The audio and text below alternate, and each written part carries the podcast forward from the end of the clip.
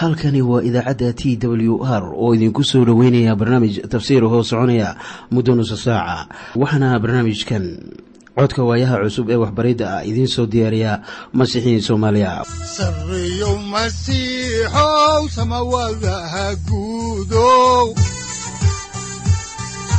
Siraadkii adduunkow subanaha eebow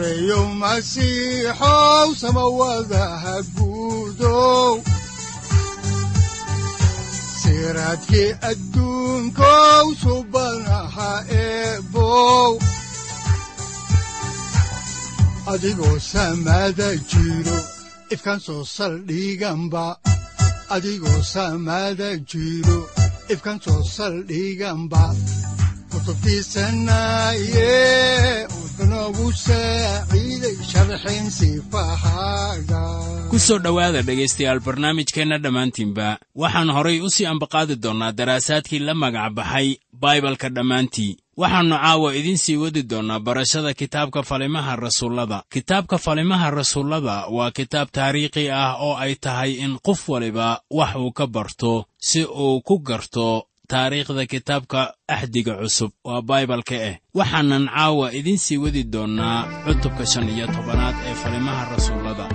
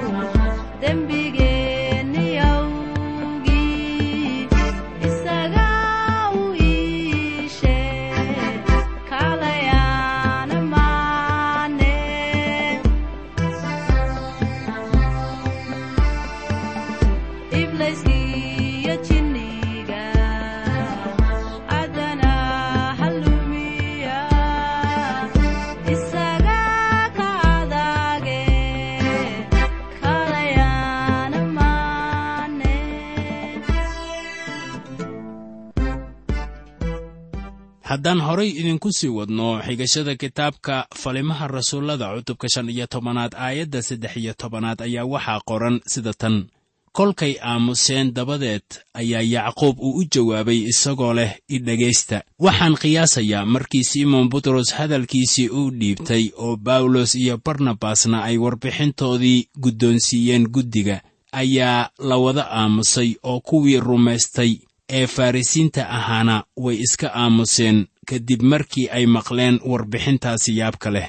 Markii rasuul yacquub uu la hadlay dadkii maalintaasi ayuu ku yidhi idhegaysta haddaba waxa uu soo wado waa muhiim. Waxaana ay ila tahay in aniga iyo adigaba aynu dhegaysanno waxa uu inoo soo wado. Wayna wanaagsan tahay khusuusan inaan dhegaysanno ilaah oo aynan war iyo su'aalo badnaanin bal aynu haatan dhegaysanno waxa uu leeyahay sida ku qoran kitaabka falimaha rasuullada cutubka shan iyo tobanaad aayadda afar iyo tobanaad. Waxaa qoran sida tan walaalayaalow idhegaysta simon waa ka warramay sidii ilaah markii ugu horraysay uu u soo booqday dadka aan yuhuudda ahayn inuu dad uga soo bixiyo iyaga magaciisa aawadiis. Waxaan aayaddaasi kore ku arkaynaa in yacquub ra'yi ahaan uu ayiidsan yahay hadalladii simon butros waxay labadan nin ka hadleen qorshaha ilaah ee maanta.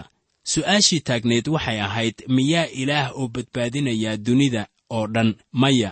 Miyaa ilaah boqortooyadiisa uu keenayaa maya? Haddaba muxuu ilaah samaynayaa maanta? Ilaah wuxuu booqanayaa dadka aan yuhuudda ahayn inuu dad uga soo bixiyo iyaga magaciisa aawadiis. Waxaan ku arkaynaa kitaabka muujintii in ilaah hortii lasugu keenay qabiil waliba iyo qowmiyad waliba iyo af kasta. Hadalladii ilaah waa in dadka lagu wacdiyaa oo qabiil waliba ay wax ka ogaadaan ilaah. Waxaa jira kuwo ka hor imaadsan hadalladii ilaah iyo in dadkii ay asnaamyo iyaga ay leeyihiin samaysteen. Laakiin hadalka ilaah waa in qurumaha lagu wacdiyo oo loo yeedho dad magaciisa aawadii taasina waa sababta aan u doonayno inaan hadalkii ilaah la qaybsanno walaalaha soomaaliyeed. Iminka waxaa hadalkii ilaah maqlay jinsi waliba iyo quruun waliba oo waxaa hadalkii ilaah laga baafiyaa meel waliba. Muxuu haddaba ilaah ku samaynayaa hadalladiisa ku qoran injiilka? Waa baaq dadka loogu yeedrayo magaciisa aawadii haddaba ilaah wuxuu i siiyey fursad aan dadka ula qaybsado waxyaabaha ku saabsan nabaaddiinnadiisa lagu helo ciise masiix iyo in la baro dadka hadalladii ilaah haddaan horay u sii ambaqaadno khudbadii rasuul yacquub ayaa waxaa ku qoran aayadda shan iyo tobanaad ee kitaabka falimaha rasuullada oo leh taasuna waxay raacsan tahay hadalladii nebiyada siday ugu qoran tahay. Haddaba miyaad u malaynaysaa in waxbariddan cusub ee kiniisadda taasoo ah in qurumaha lagu badbaadinayo nimcadiisa ay ka soo hor jeeddo waxbariddii hore ee ku qornayd kitaabka axdigii hore. Jawaabtu waa maya oo hadallada nebiyada ayaa waafaqaya waxyaabaha iminka dhacaya sidaan arki doonno. Yacquubna xigashada kitaabka nebiyada wuxuu ku bilaabayaa kitaabkii caamoos cutubka sagaalaad aayadaha kow iyo toban ilaa laba iyo toban. Waxaana lagu bilaabayaa aayadda waxyaalahaasi dabadood. Haddaba maxaa loola jeedaa waxyaalahaasi dabadood? Waa goorma. Waa marka ilaah dadka uu ugu yeedho magaciisa kadib haddaba ilaah maanta wuxuu u yeedrayaa dad qaas ah magaciisa aawadiis.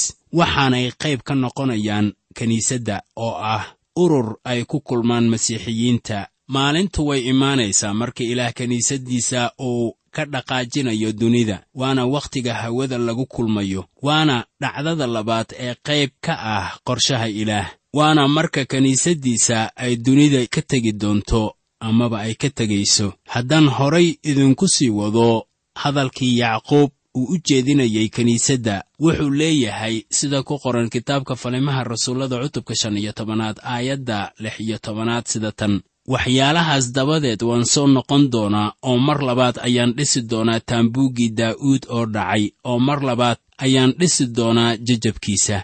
Waanan taagi doonaa. Haddaba taambuuggii daa'uud wuu dumay. Shakina kuma jiro taas. Ma jiraan qof daa'uud ka soo farcamay. Haddaba kan keliya ee sheegan karaa inuu dhisi karo macbudka ayaa wuxuu fadhiyaa gacanta midig ee ilaah haatan.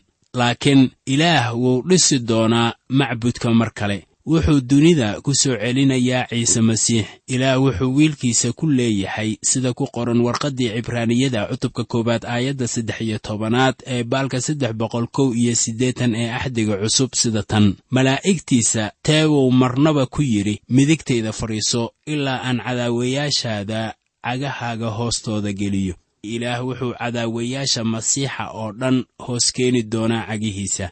Caasinimada way soo dhammaanaysaa gooray dhammaataba inta laga gaarayo wakhtigaasi ayaa ruuxa quduuska ahu uu inoo sheegayaa ama inagu leeyahay wiilka dhunkada waaba intaasoo uu idin caroodaa oo aad jidka ku baaba'daane. Waayo caradiisu haddiiba way kululaan doontaa. Waxaa barakadaysan kuwa isaga isku halleeya oo dhan. Waxaa noo sheegaya zabuurka cutubka labaad aayadda laba iyo tobanaad. Haddaba barnaamijka ilaah waa la soo koobay haddaan idinku celinnana wuxuu u yeedrayaa dadka dunida maanta. Tallaabada labaad ee uu dunida u samayn doono waxa weeye inuu mar kale dhiso hoggaankii daa'uud taasoo loola jeedo inuu ka taagi doono boqortooyadii nebi daa'uud dhulka reer banu israa'iil. Haddaan horay idinku sii wadno xigashada kitaabka falimaha rasuullada oo aan eegno aayadda toddoba iyo tobanaad ee cutubka shan iyo tobanaad waxaa qoran sida tan si nimankii hadhay ay rabbiga u doondoonaan iyo quruumaha oo dhan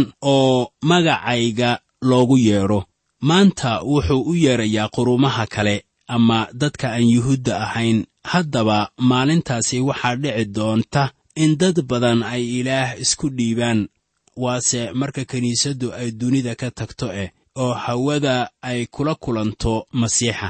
Kuwaas la doortay ayaa waxay gelayaan boqortooyadii ilaah kuwii hadhayna waxay doondooni doonaan rabbiga. oo qurumaha magaciisa loogu yeedhana ilaah bay u soo jeesan doonaan. Taana waxaa lagu sifeeyaa inay tahay tallaabada saddexaad marka la eego barnaamijka ilaah. Isagoo tarjumadiisa uu ku soo xiganayo hadalladii ilaah sii wata ayaa rasuul yacquub uu leeyahay sida ku qoran kitaabka falimaha rasuullada cutubka shan iyo tobanaad aayadda siddeed iyo tobanaad sida tan. Taas waxaa yidhi rabbiga waxyaalahaasi muujiyey tan iyo bilowgii dunida. Yacquub wuxuu soo koobayey waxyaabihii hor yiilay kiniisadda iyo waxa laga yeelayo. Wuxuu fahamsanaa inuu jiro qorshe kooban oo ilaah uu ku socdo. Iminkana yacquub wuxuu diyaar u yahay inuu go'aamiyo garta waana go'aan dhaxalgal ah wixii meeshaasi ka soo baxay haddaan horay idinku sii wadno xigashada kitaabka falimaha rasuullada oo aan eegno aayadaha sagaal iyo toban ilaa labaatan ee cutubka shan iyo tobanaad waxaa qoran sida tan. Sidaas daraaddeed taladaydu waxay tahay inaynan dhibin kuwa ka mid ah dadka aan yuhuudda ahayn oo ilaah u jeestay. Laakiin inaynu u qorno iyagii inay ka fogaadaan wasakhnimada sanamyada iyo sinada iyo waxa la ceejiyo iyo dhiigga. Haddaba go'aankii kiniisadda yeruusaalem ee ahaa waxa laga yeelayo dadka aan sharciga ku hoos jirin laakiin helay badbaadadii ilaah ayaa yacquub u go'aamiyey. Wuxuu leeyahay kuwa ilaah u soo leexday ama soo hanuunay ma ahan in sharciga la hoos keeno. Haddaba waxay weyddiisanayaan oo keliya inay ka fogaadaan waxyaabaha hallayn kara rumaysadkoodan cusub waxaa la weyddiistay inay ka hadhaan waxyaabaha nijaasta ah sida asnaam caabudista. Sababta haddaba taasi si tafatiran loogu sheegay waxay ina keenaysaa mar kale warqaddii koowaad ee rasuul bawlos uu u qoray dadka korintos. Waana qaybta ku saabsan cunista hilbaha xaaraanta ah sida xoolaha aan la gowricin doofaarrada iyo hilbaha xoolaha loo bixiyo asnaamta iyo wixii la mid ah xaaladdii taagnaydna waxay ahayd in maalmahaasi dadkii dunida ay caabudi jireen asnaamta oo magaalada korintos tusaale ahaan dadku xoolo ayay u gowraci jireen asnaamta. Waxay keenayaan macbudyadooda markaasay gowracayaan oo qaar hilibkii ka mid ah ayay ku iibinayaan macbudyadooda ay wax ku caabudaan. Dadkuna waxay hilbaha ka iibsanayaan macbudyada waayo wadaadku-sheegyada ayaa laga yaabaa inay hilbaha dadka ka iibsan jireen. Dadka aan yuhuudda ahayn cuqdad kama qabin macbudyada. Hilbahaasna way iibsan jireen hase yeeshee masiixiyiintii reer banu israa'iil xaalkaasi ma jeclaysan. Mana ayan doonaynin inay cunaan hilbo loo bixiyey asnaam. Waxay ku soo barbaareen oo lagu soo abaabiyey inayan cunin wax loo bixiyey asnaam caabud waxaa markaasi loo fasiran karaa inay lahaayeen walaalaha masiixiyiinta ah ee aan yuhuudda ahayn. Ma ahan inay nin yuhuudi ah ku casuumaan qado lagu kariyey hilbahan laga soo iibiyey macbudyada oo asnaamta loo loogay. Haddaba codsigan loo soo jeedinayo dadka aan yuhuudda ahayn ma ahan in loo qaato in qurumaha la hoos keenayo sharcigii nebi muuse. Waa codsi ah in dadka toobad keenay ayaan ka cadhaysiin walaalahooda yuhuudda ah ee haatan masiixiyiinta noqday oo dhaqan ahaan ku soo barbaaray anshixii sharciga. Waxaa kaloo laga codsaday inay macaasida iska joojiyaan. Mar kale ayaa loo baahan yahay inaan garanno aasaaska. Waxa ka dambeeya waanadan ku saabsan macaasida. Haddaba macaasidu waxay ahayd wax ku baahsan qurumaha aan yuhuudda ahayn maalmahaasi oo weliba garaadkoodii ku saabsanaa. Waxa xun iyo waxa toosan ayaa isku qasmay. Welibana macaasidu waxay qayb ka ahayd xeerdiimeedyadooda haddaba dadkii aan yuhuudda ahayn ee masiixiga noqday ayaa loo sheegay inay macaasida ka dheeraadaan. Haddaba yaanay idinla noqonin macaasidu inay qiimi leedahay ama dadka ay wax ku kordhiso. Waxaannu wada garanaynaa in cudurro badan laga dhaxlo macaasida. Waxaana cudurradaasi kii u dambeeyey uu ahaa aidhis waa wakhtigeennan ah waxaa kaloo golihii kiniisadda yeruusaalem ay weyddiisteen masiixiyiinta qurumaha inay ka fogaadaan waxyaabaha la ceejiyo iyo dhiigga kuwaasoo walaalaha yuhuudda ah ka cadhaysiin kara. Tanna waa farriin la farayo ee ma ahan wax ay tahay inay qasab ku sameeyaan. Haddaan horay idinku sii wadno xigashada kitaabka oo aan eegno kitaabka falimaha rasuullada cutubka shan iyo tobanaad aayadda labaatan iyo koowaad ayaa waxaa qoran sida tan. Maxaa yeelay tan iyo qarniyadii hore waxaa nebi muuse magaalo walba uu ku leeyahay kuwa dadka ku wacdiya. Waxaa isaga ku saabsan oo sabdi walba sunagogyada laga akhriyaa. Waxaan u malaynayaa inay wanaagsan tahay inaan dib ugu noqonno wixii yacquub uu lahaa ama uu u soo jeediyey golihii kiniisadda yeruusaalem wuxuu marka hore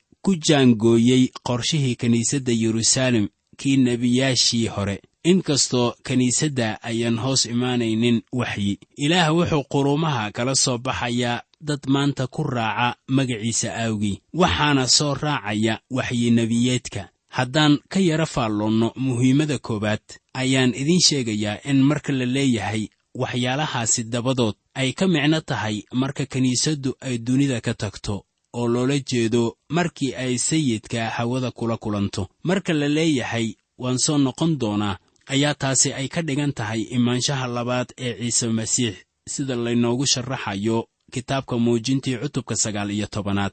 Muhiimadda labaadina waxa weeye marka uu leeyahay sida ku qoran waxyi nebiyeedka mar labaad ayaan taagi doonaa taambuuggii daa'uud ee jajabay. Ayaa loola jeedaa in maanta gurigii boqortooyada ee nebi daa'uud uu burburay. Sida ku qoran aayadda lix iyo tobanaad. Tan saddexaadna waxa weeye markii uu masiixu soo noqdo in kuwa hadhaa ay raadiyaan ama doondoonaan ilaah. Sida ku qoran aayadda toddoba iyo tobanaad.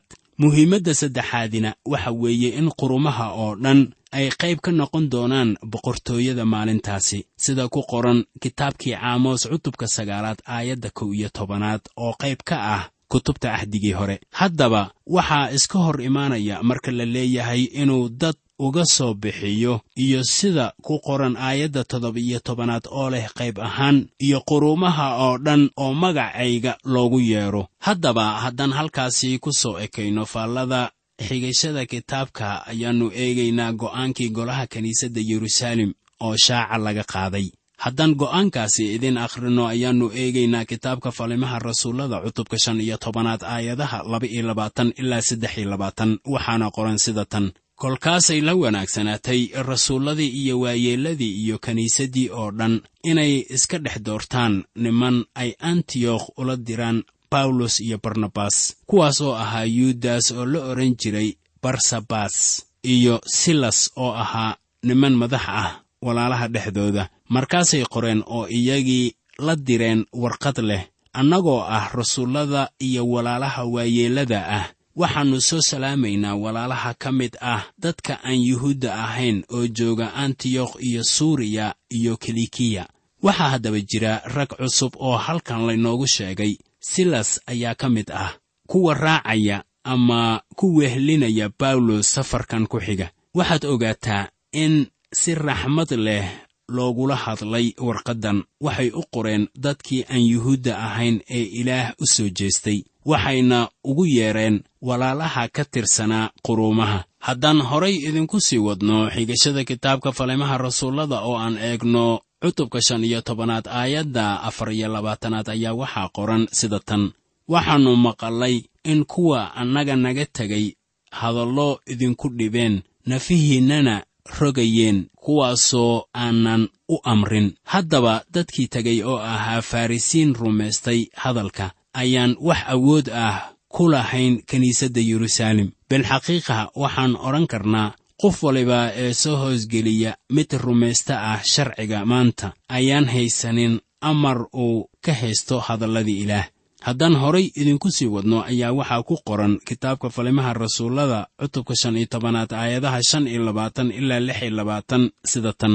Sidaas daraaddeed waxaa nala wanaagsanaatay annagoo isku qalbi noqonnay inaannu soo dooranno niman aannu idinla soo dirno gacalayaashayadii barnabas iyo bawlos kuwaasoo ah niman naftooda u biimeeyey magacii rabbigeenna ciise masiix aawadiis haddaba si qurux badan bay ula hadleen. Kiniisaddu waxay iminka diraysaa rag kale oo la tijaabiyey waana niman naftooda biimaynaya. Saaxiib ilaa iyo heerkeebuu gaarsiisan yahay silaca aad masiixa aawadiis u soo martay. Maxay kugu qaadatay ama qorshe ceenkee ah baad u hurtay? Miyaad qiimi u hurtay inaad hadalladii ilaah dadka gaarsiiso haddaan horay idinku sii wadno kitaabka falimaha rasuullada aayadda toddoba iyo labaatanaad ayaa waxa ay inoo sheegaysaa sida tan. Sidaas aawadeed waxaannu soo dirnay yuudas iyo silas kuwaasoo iyaguna afka idinka sheegi doona waxyaalahaasi oo kale. Waxaannu arki karnaa haddii ay diraan barnabas iyo bawlos ayaa dadka qaarkii odhan lahaayeen. Labadaasi nin waxay la imaan doonaan warbixin la mid ah tii hore laakiin iminka waxaa si raacay yuudas iyo silas. Si markaasi loo adkeeyo xaqiiqada ah in xalkaasi uu yahay go'aan kiniisadda ka soo baxay. Haddaan horay idinku sii wadno kitaabka falimaha rasuullada aayadda siddeed iyo labaatanaad ee cutubka shan iyo tobanaad ayaa waxaa qoran sida tan waxaa la wanaagsanaatay ruuxa quduuska ah iyo annagaba inaanan idiin saarin culaab ka weyn waxyaalahan waajibka ah. Haddaba odayaashu waxay leeyihiin waxaana la wanaagsanaatay annaga iyo ruuxa quduuska ah. Maxaa wacay? Ruuxa quduuska ah wuxuu ahaa kan hagayey oo ku toosinayay go'aankaas haddaan horay idinku sii wadno xigashada kitaabka oo aan eegno aayadda sagaal iyo labaatanaad ee isla cutubkan ayaa waxaa qoran sida tan. Waa inaad ka fogaataan waxa sanamyada loo sadaqeeyo iyo dhiig iyo waxa la ceejiyo iyo sinada kuwaas haddaad iska dhowrtaan si wanaagsan baad yeeli doontaan nabadgelyo. Waxaa halkan laynoogu qoray warbixin ku saabsan warbixintii ku qornayd warqadda haddaba rumaystayaasha qaramada laga dooni maayo inay hoos yimaadaan waxyaabaha sharciga ku qoran. Hase yeeshee waa inay ka taxadaraan hilbaha loo bixiyo asnaamta mana ahaan inay sinaystaan haddaan horay idinku sii wadno xigashada kitaabka oo aan eegno falimaha rasuullada cutubka shan iyo tobanaad aayadaha soddon ilaa kow iyo soddon waxaa qoran sida tan. Sidaas daraaddeed kolkii la diray ayay waxay yimaadeen antiyokh oo markay dadkii badnaa isu ururiyeen dabadeed waxay u dhiibeen warqaddii. Markay akhriyeenna ayay waanadii ku farxeen. Haddaba injiilka oo dhan waxaa ka buuxa qalbiqaboojin iyo raxmad. Wax kale oo loo sheego ma jirin oo aan ka ahayn in sharcigu ee dusha ka saaro dembiga. Sharciga waxaa lagu masaalaa sida muraayad oo kale. Oo markaynu isku eegno waxaynu arkaynaa inaan wax wanaagsanu inagu jirin. Laakiin injiilku wuxuu leeyahay kaalaya oo ilaah u imaada wuuna idin qaabilayaaye wuxuu idinku badbaadinayaa nimcadiisa. Haddaan horay idinku sii wadno xigashada kitaabka ayaannu eegaynaa falimaha rasuullada cutubka shan iyo tobanaad aayadaha laba iyo soddon ilaa afar iyo soddon. Waxaana qoran sida tan. Yuudas iyo silas iyagoo qudhooduna nebiye ahaa ayay hadallo badan walaalihii ku waaniyeen oy ku xoogeeyeen oo markay muddo joogeen dabadeed ayaa walaalihii nabad ugu direen kuwii iyagii u soo diray. Laakiin waxaa silas la wanaagsanaatay inuu meeshaasi sii joogo. Waxaa halkan lagu arkayaa in bawlos iyo silas ay isku si wax u wadaan. Silas wuxuu aad u jeclaystay inuu la sii shaqeeyo bawlos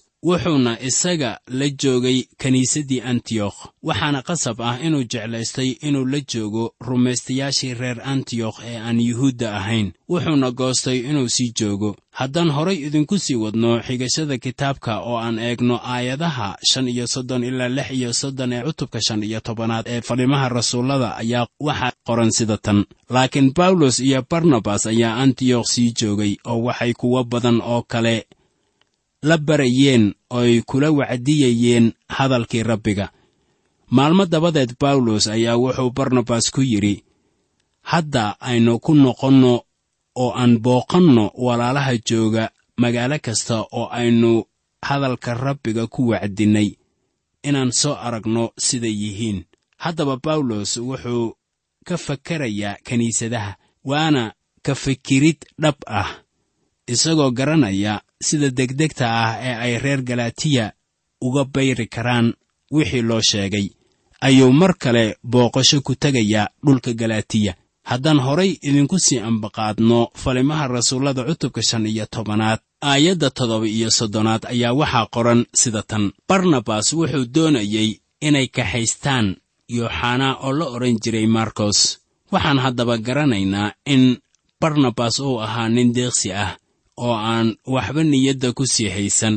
Wuxuu doonayey inuu fursad kala siiyo yooxanaa markos laakiin waxaad mooddaa inuu ku adkaysanayay in yooxanaa markos la siiyo fursad kale.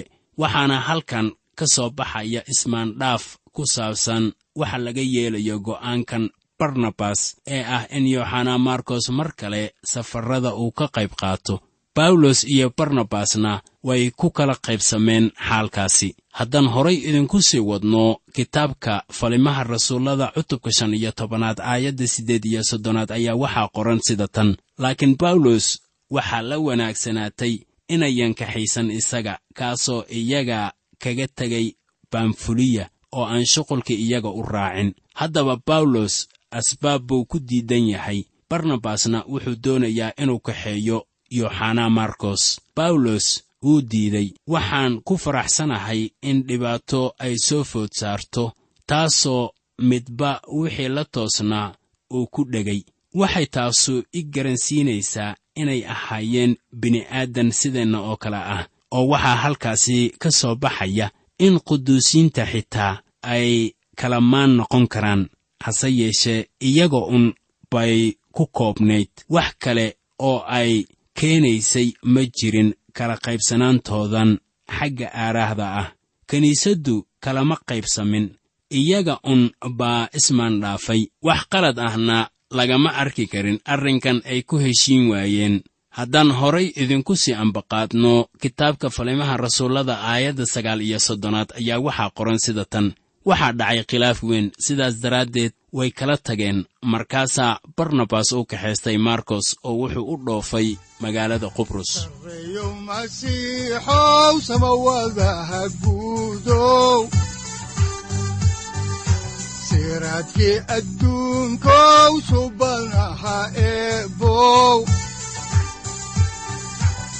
Adigoo samada jiro ifkan soo saldhiganba adigoo samada jiro ifkan soo saldhiganba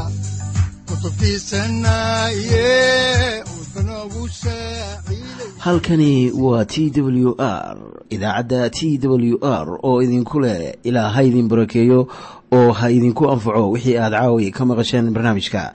Waxaa barnaamijkan oo kalea aad ka maqli doontaan habeen dambe hadahan oo kale haddiise aad doonaysaan in aad fikirkiina ka dhiibataan wixii aad caawi maqasheen ayaad nagala soo xiriiri kartaan som t w r at t w r c o k e haddii aad doonaysaan in aad dejiisataan oo kaydsataan barnaamijka ama aad mar kale dhegaysataan fadlan mar kale booqo www t w r o r g amase www t t b t w r o r g. Amase waxaad teleefoonkaaga ku kaydsataa ama ku download garaysataa agabyada ku sahli karaa dhegeysiga t w r haddii aad doonayso in laga kaalmeeyo dhinacyada fahamka kitaabka amase aad u baahan tahay duco fadlan fariimahaaga soo mari bogga aaraahda ama kommentska inana jawaab deg deg ah ayaanu ku soo diri doonaa amase ku siin doonaaye.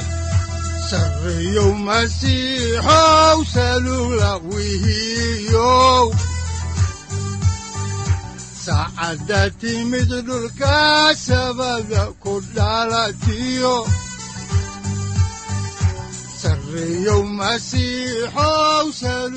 halkani waa t w r oo idiin rajaynaya habeen baraare iyo barwaaqaba leh inta aynu ka gaari doono wakhti aynu ku kulanno barnaamij la mida kan caawayay aad maqasheen waxa aan idinku leeyahay nabadda ciise masiix ha idinku badato xagga jidhka iyo ruuxaba aamiin